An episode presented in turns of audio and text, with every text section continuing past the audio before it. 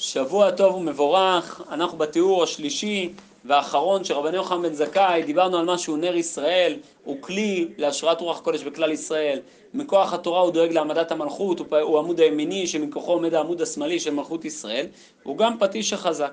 מה הכוונה? שנתן רבני יוחנן בן זכאי כוח נפלא, הסעיף ל"ה כמובן, שנתן רבי רבני יוחנן כוח נפלא על ידי הרימו את כלל עם השם בתורה ומוסר ויראת השם. עד שכל הדברים והרוחות שבאו לנגד קיומן של ישראל ינופצו מכוח האדיר של רוח השם שעל ישראל על ידי תורת הקודש. כלומר, רבני יוחנן בן זכאי נתן להם עוצמת עמידה כל כך חזקה כנגד כל הרוחות, כנגד כל מה שיעמוד כנגדם. עומד רבי יוחנן בן זכאי נגד אספסיאנוס, בסדר, זה דבר שאי אפשר לתאר אותו. עומד בגבורה, בתעצומות נפש. למה? כי באמת ההבנה שכאשר יש לי תורת הקודש, יש לי את חיי הנצח, ואני מסור אל אור השם, על ידי זה שאני נר, אני כלי אל אור השם, על ידי זה יש לי תעצומות אדירות, אני כפטיש חזק, שיכול לפוצץ את כל מה שבא כנגדו. אם כן, אין, לי, אין לך להתיירא מצד ענייני הכלל. כי התעודה הנצחית של ישראל ודאי קיימת לעד, ואתה עשית את ש...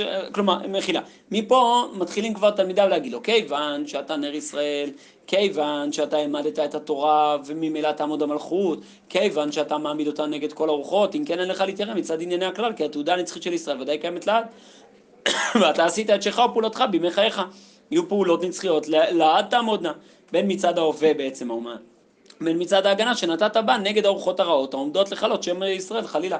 הרי אתה, מצד הכלל, עשית כל מה שאתה יכול, התמסרת לכלל, נר ישראל, דאגת אל המצב ההווה מתוך המצב הנצחי, עמוד הימיני, דאגת להגביר את ישראל כנגד כל הקמים עליהם, פטיש החזק.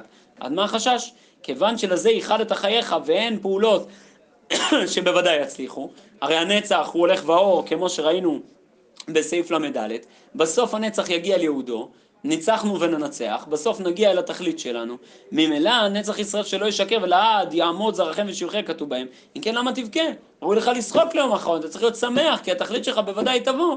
על מה החשש שאתה חושש, ואנחנו בעזרת השם בשבוע הבא עלינו לטובה, נלמד את החששו של רבנו חמד בן זכאי, וממילא נכיר את אישיותו המיוחדת. שבוע טוב ומבורך לכולם.